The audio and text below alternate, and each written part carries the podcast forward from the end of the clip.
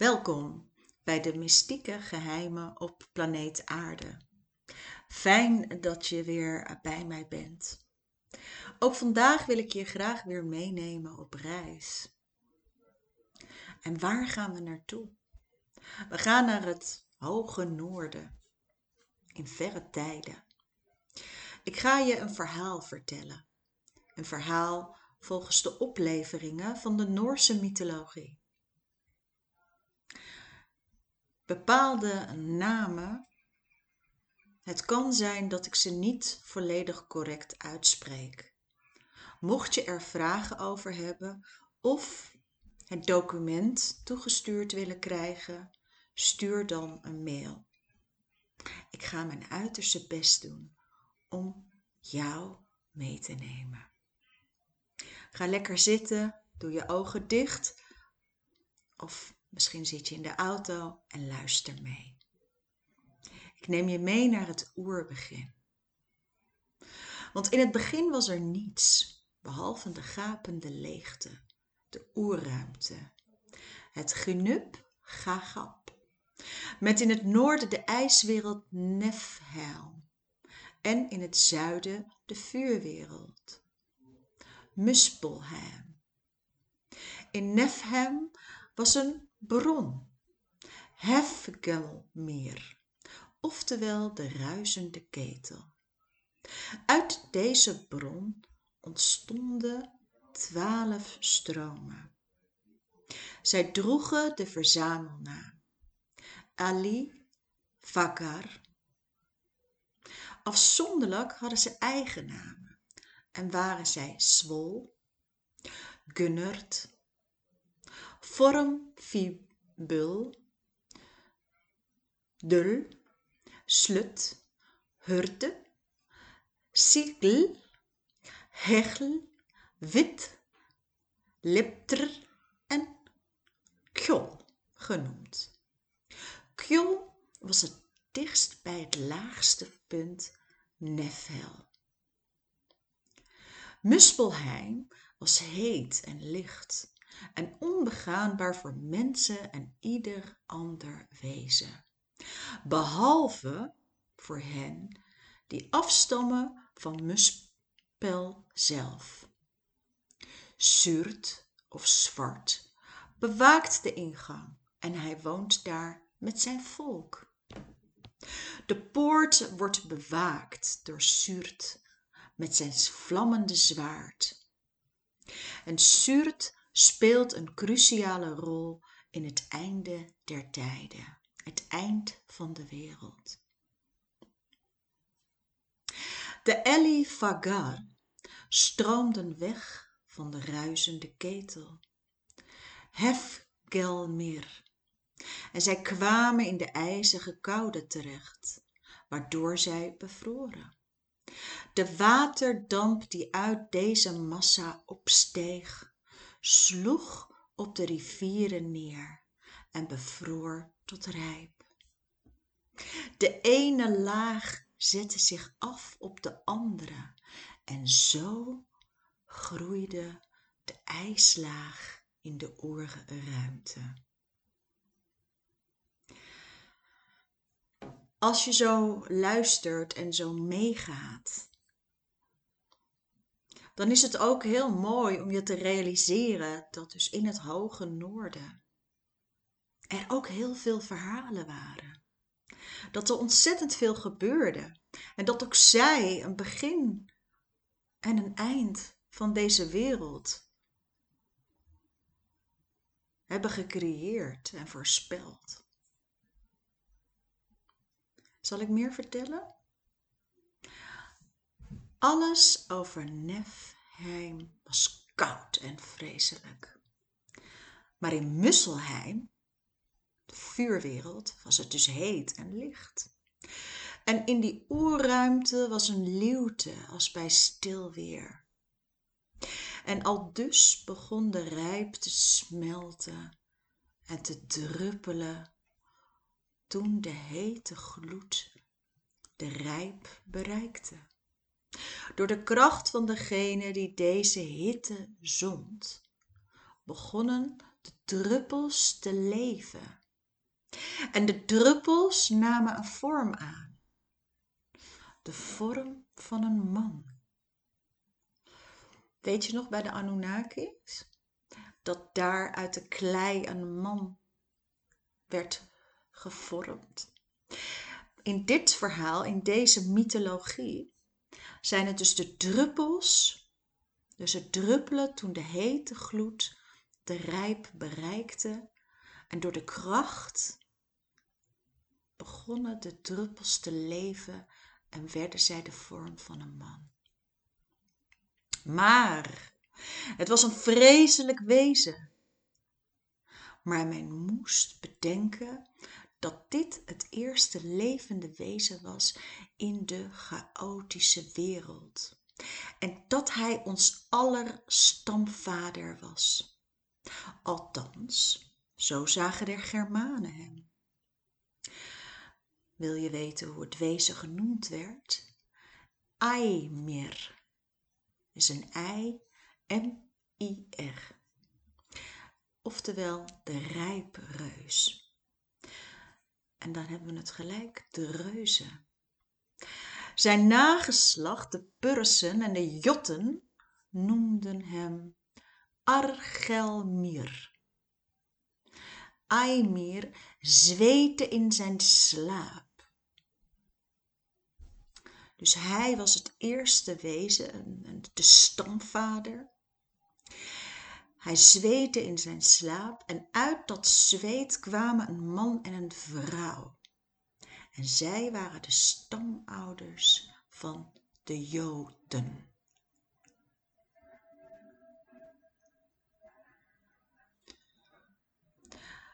Waar de rijp druppelde, ontstond ook een koe.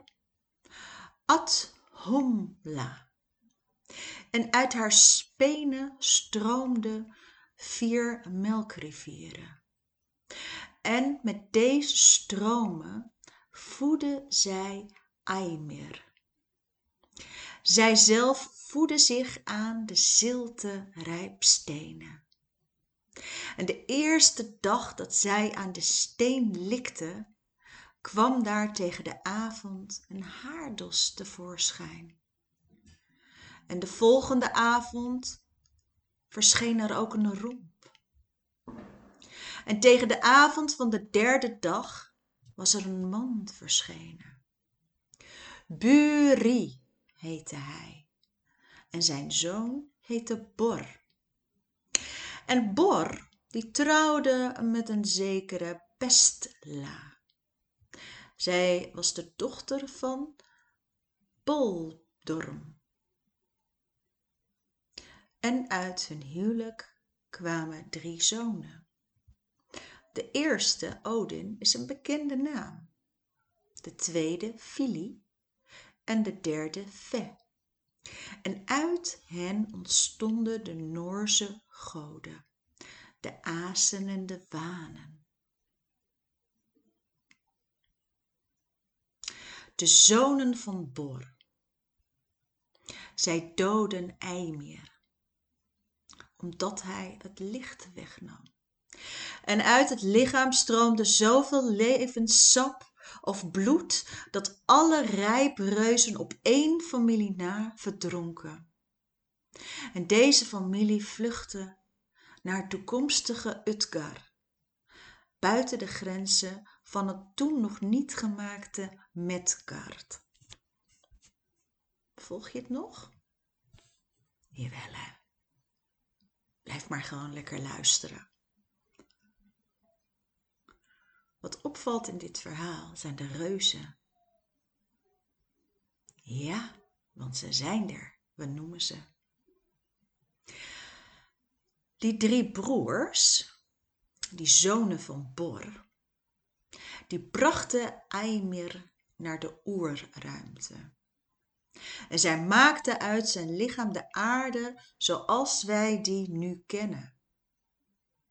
Zijn bloed werd smeren en zeeën. En de aarde was voorheen zijn vlees en de bergen waren zijn botten. Stenen en klei waren uit zijn kiezen en botsplinters gemaakt. En het bloed was tot zee gemaakt om zo de aarde bijeen te houden. En de drie broers die namen de schedel en daarvan creëerden zij een hemel. Deze werd over de wereld geplaatst en werd verlicht door de hemellichamen. Zon en sterren waren gemaakt uit vonken die opstegen vanuit Muspelheim. De maan was een spiegel die als een zonlicht reflecteerde. En de zon en de maan werden gereden door een man en door een vrouw. De zon door een vrouw en de maan door een man.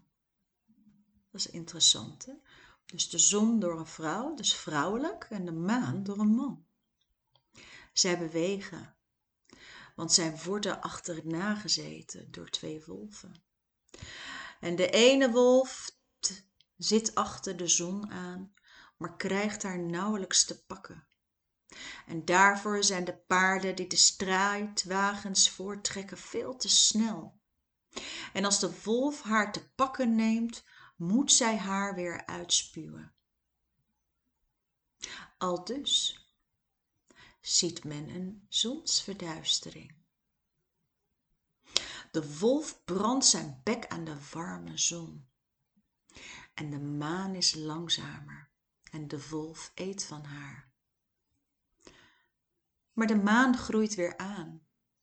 Telkens wordt zij opnieuw gesmeed tot de dag van de Ragnarok.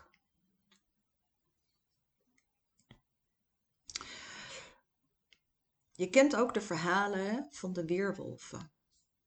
En als je dan dit hoort van de wolven en de maan en de wolf die eet van de maan, dan kan je bijna ook nadenken dat dat allemaal ja, met elkaar te maken heeft. Dat al die verhalen zo nauw door elkaar verbonden zijn.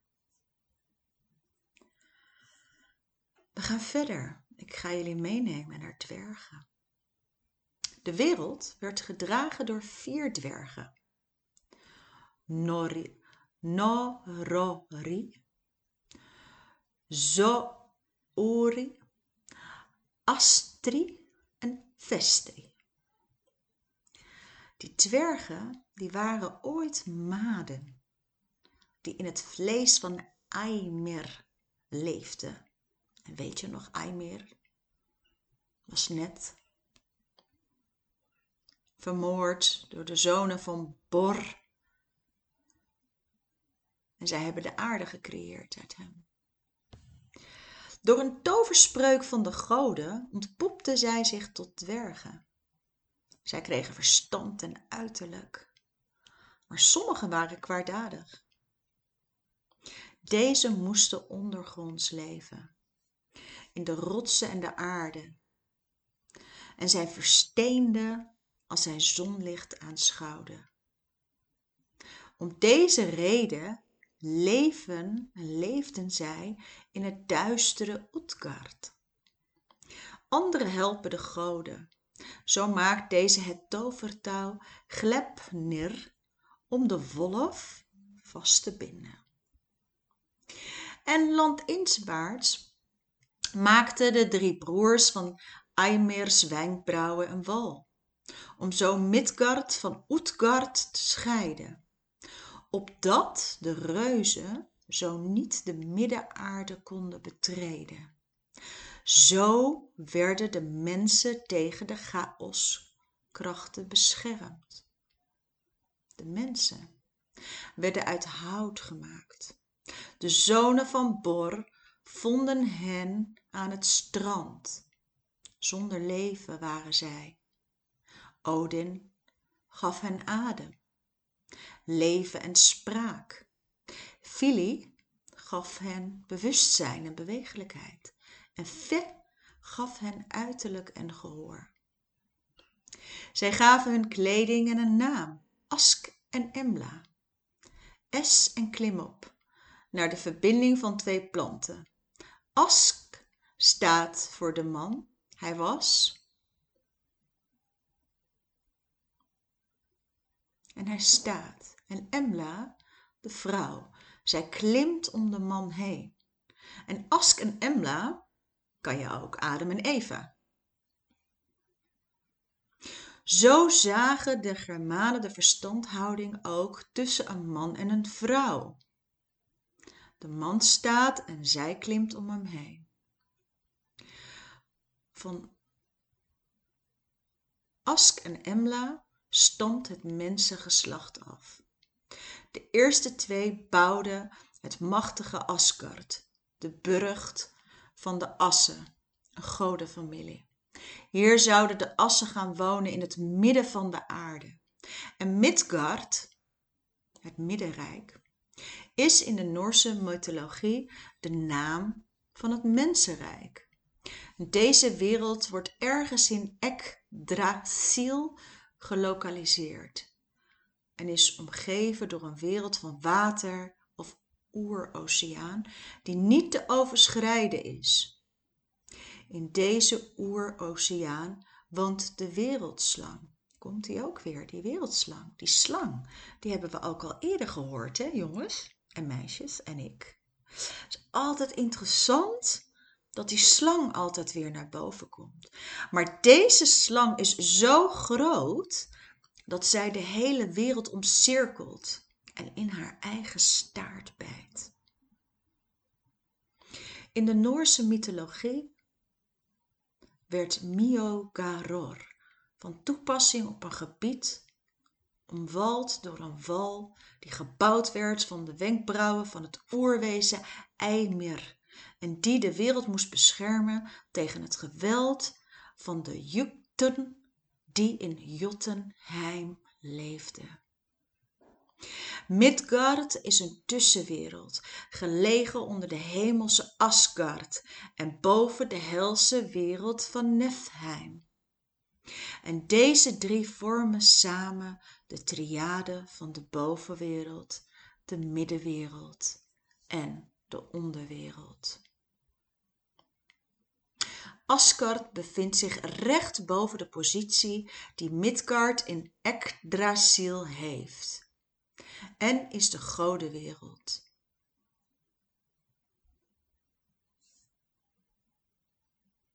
Meer bepaald dan die van de assen. Andere grootheden, de Wanen, die woonden in Wanaheim.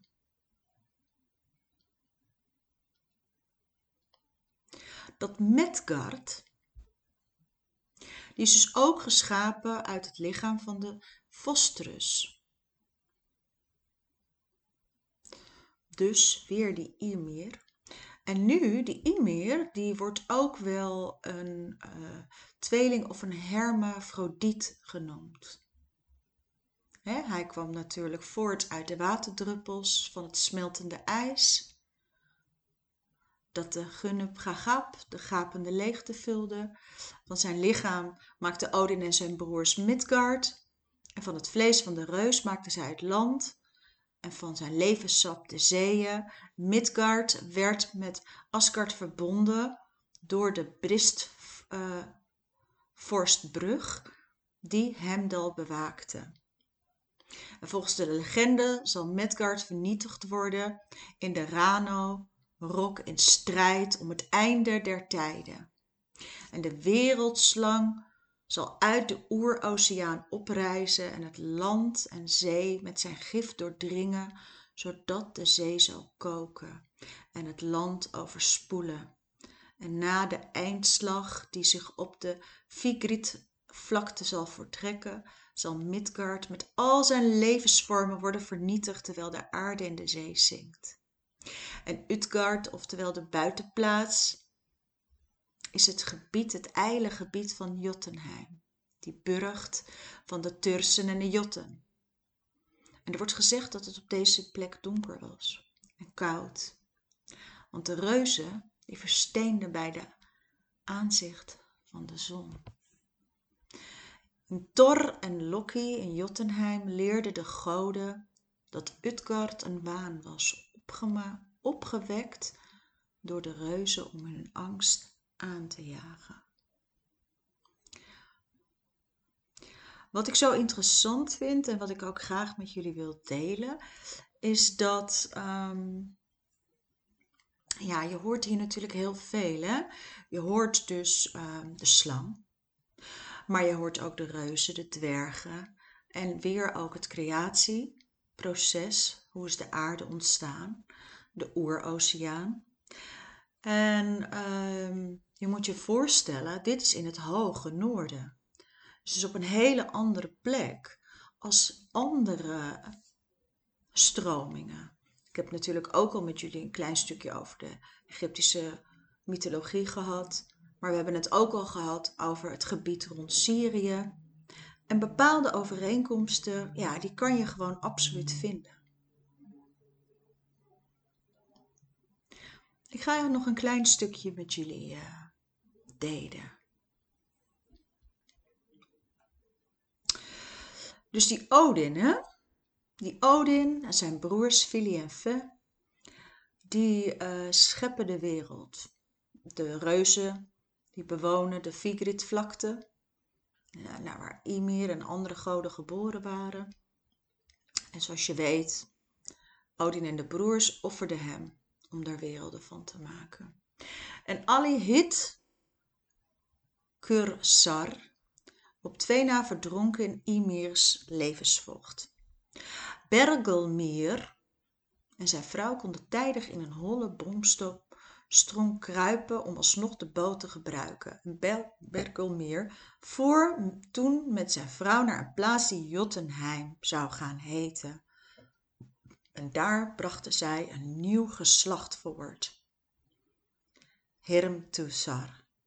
Zo werd Bergelmeer de oervader van de nieuwe generatie reuzen, de Jotten.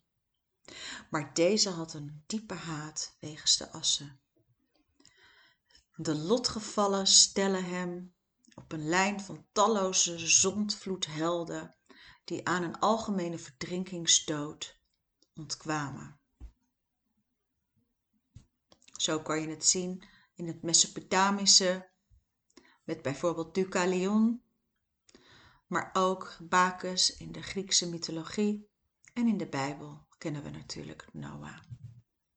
Om te voorkomen dat de Turzen en de Jotten de mensen en de godenwereld zouden overrompelen, bouwden dus die goden die, dat, die wal.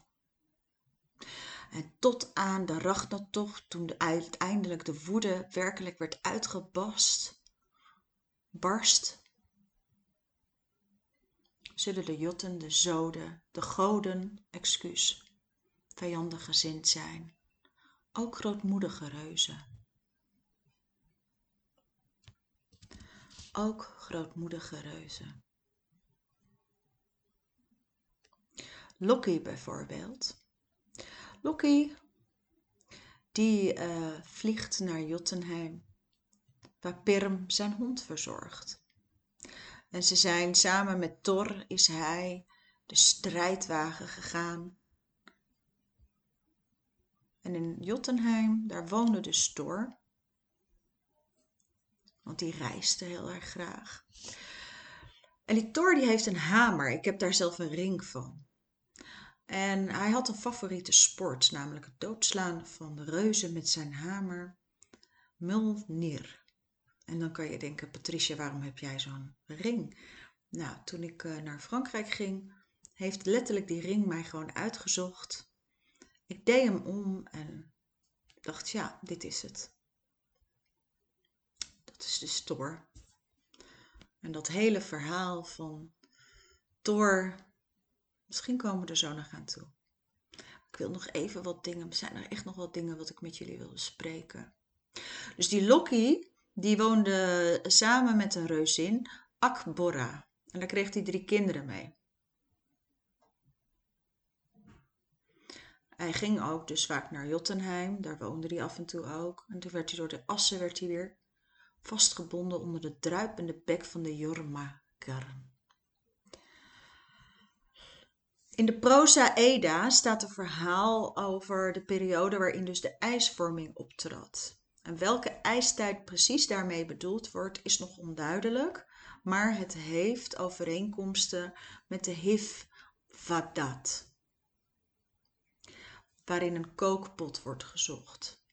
Nou, in allerlei verschillende verhalen is Loki een aanstichter van een verboden daad, waarna de wraak van Thor over de dader komt. Belangrijk is om je te realiseren dat de Thor en Loki de illusie hebben gecreëerd in de wereld van de reuzen.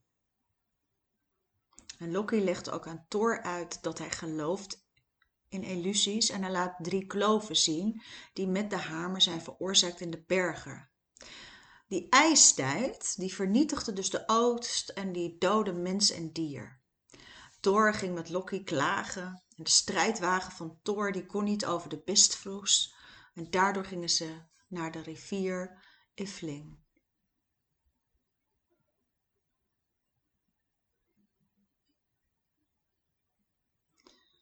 Er is weinig eten in Midgard, waar hun verblijven bij een arme boer en zijn gezin. En Loki fluistert tegen de zoon van de boer dat hij het merg moet proeven en daarom breekt de zoon een bot. En s ochtends brengt Thor zijn geiten met een klap van de hamer weer tot leven.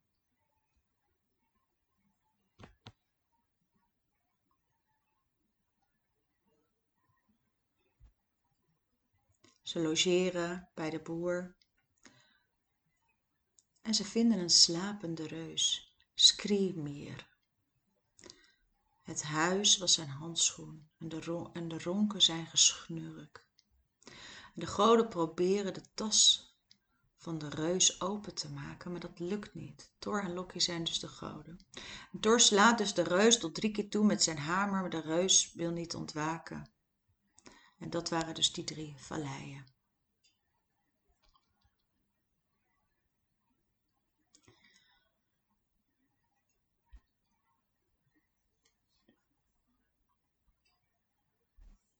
De goden vertrekken naar hun eigen sfeer uiteindelijk.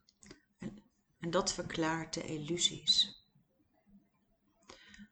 Loki wordt namelijk uitgedaagd tot een aantal wedstrijden. En ook Talfi doet mee aan een race, maar hij verliest. Loki zegt dat hij moet meer eten dan iedere reus. En hij verliest, blijft verliezen. En Thor wil een drink horen leeg drinken.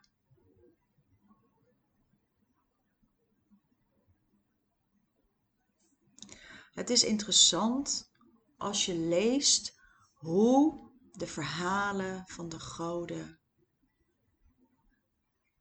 in elkaar zitten. Het is echt heel interessant om dit te zien. Ook als je dus nadenkt over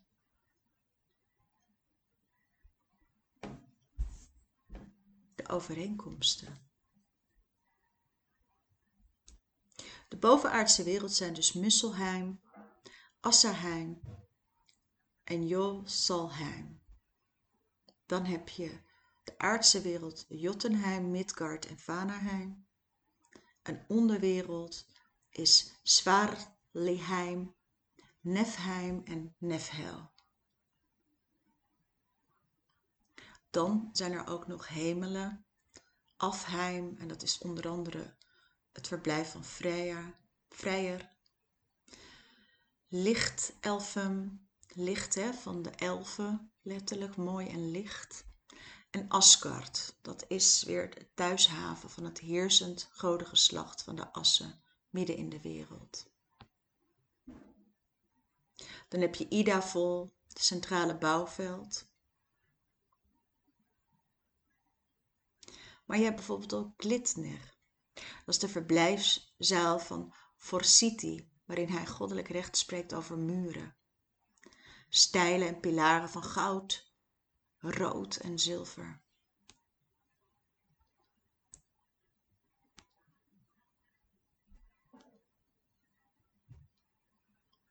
Tot slot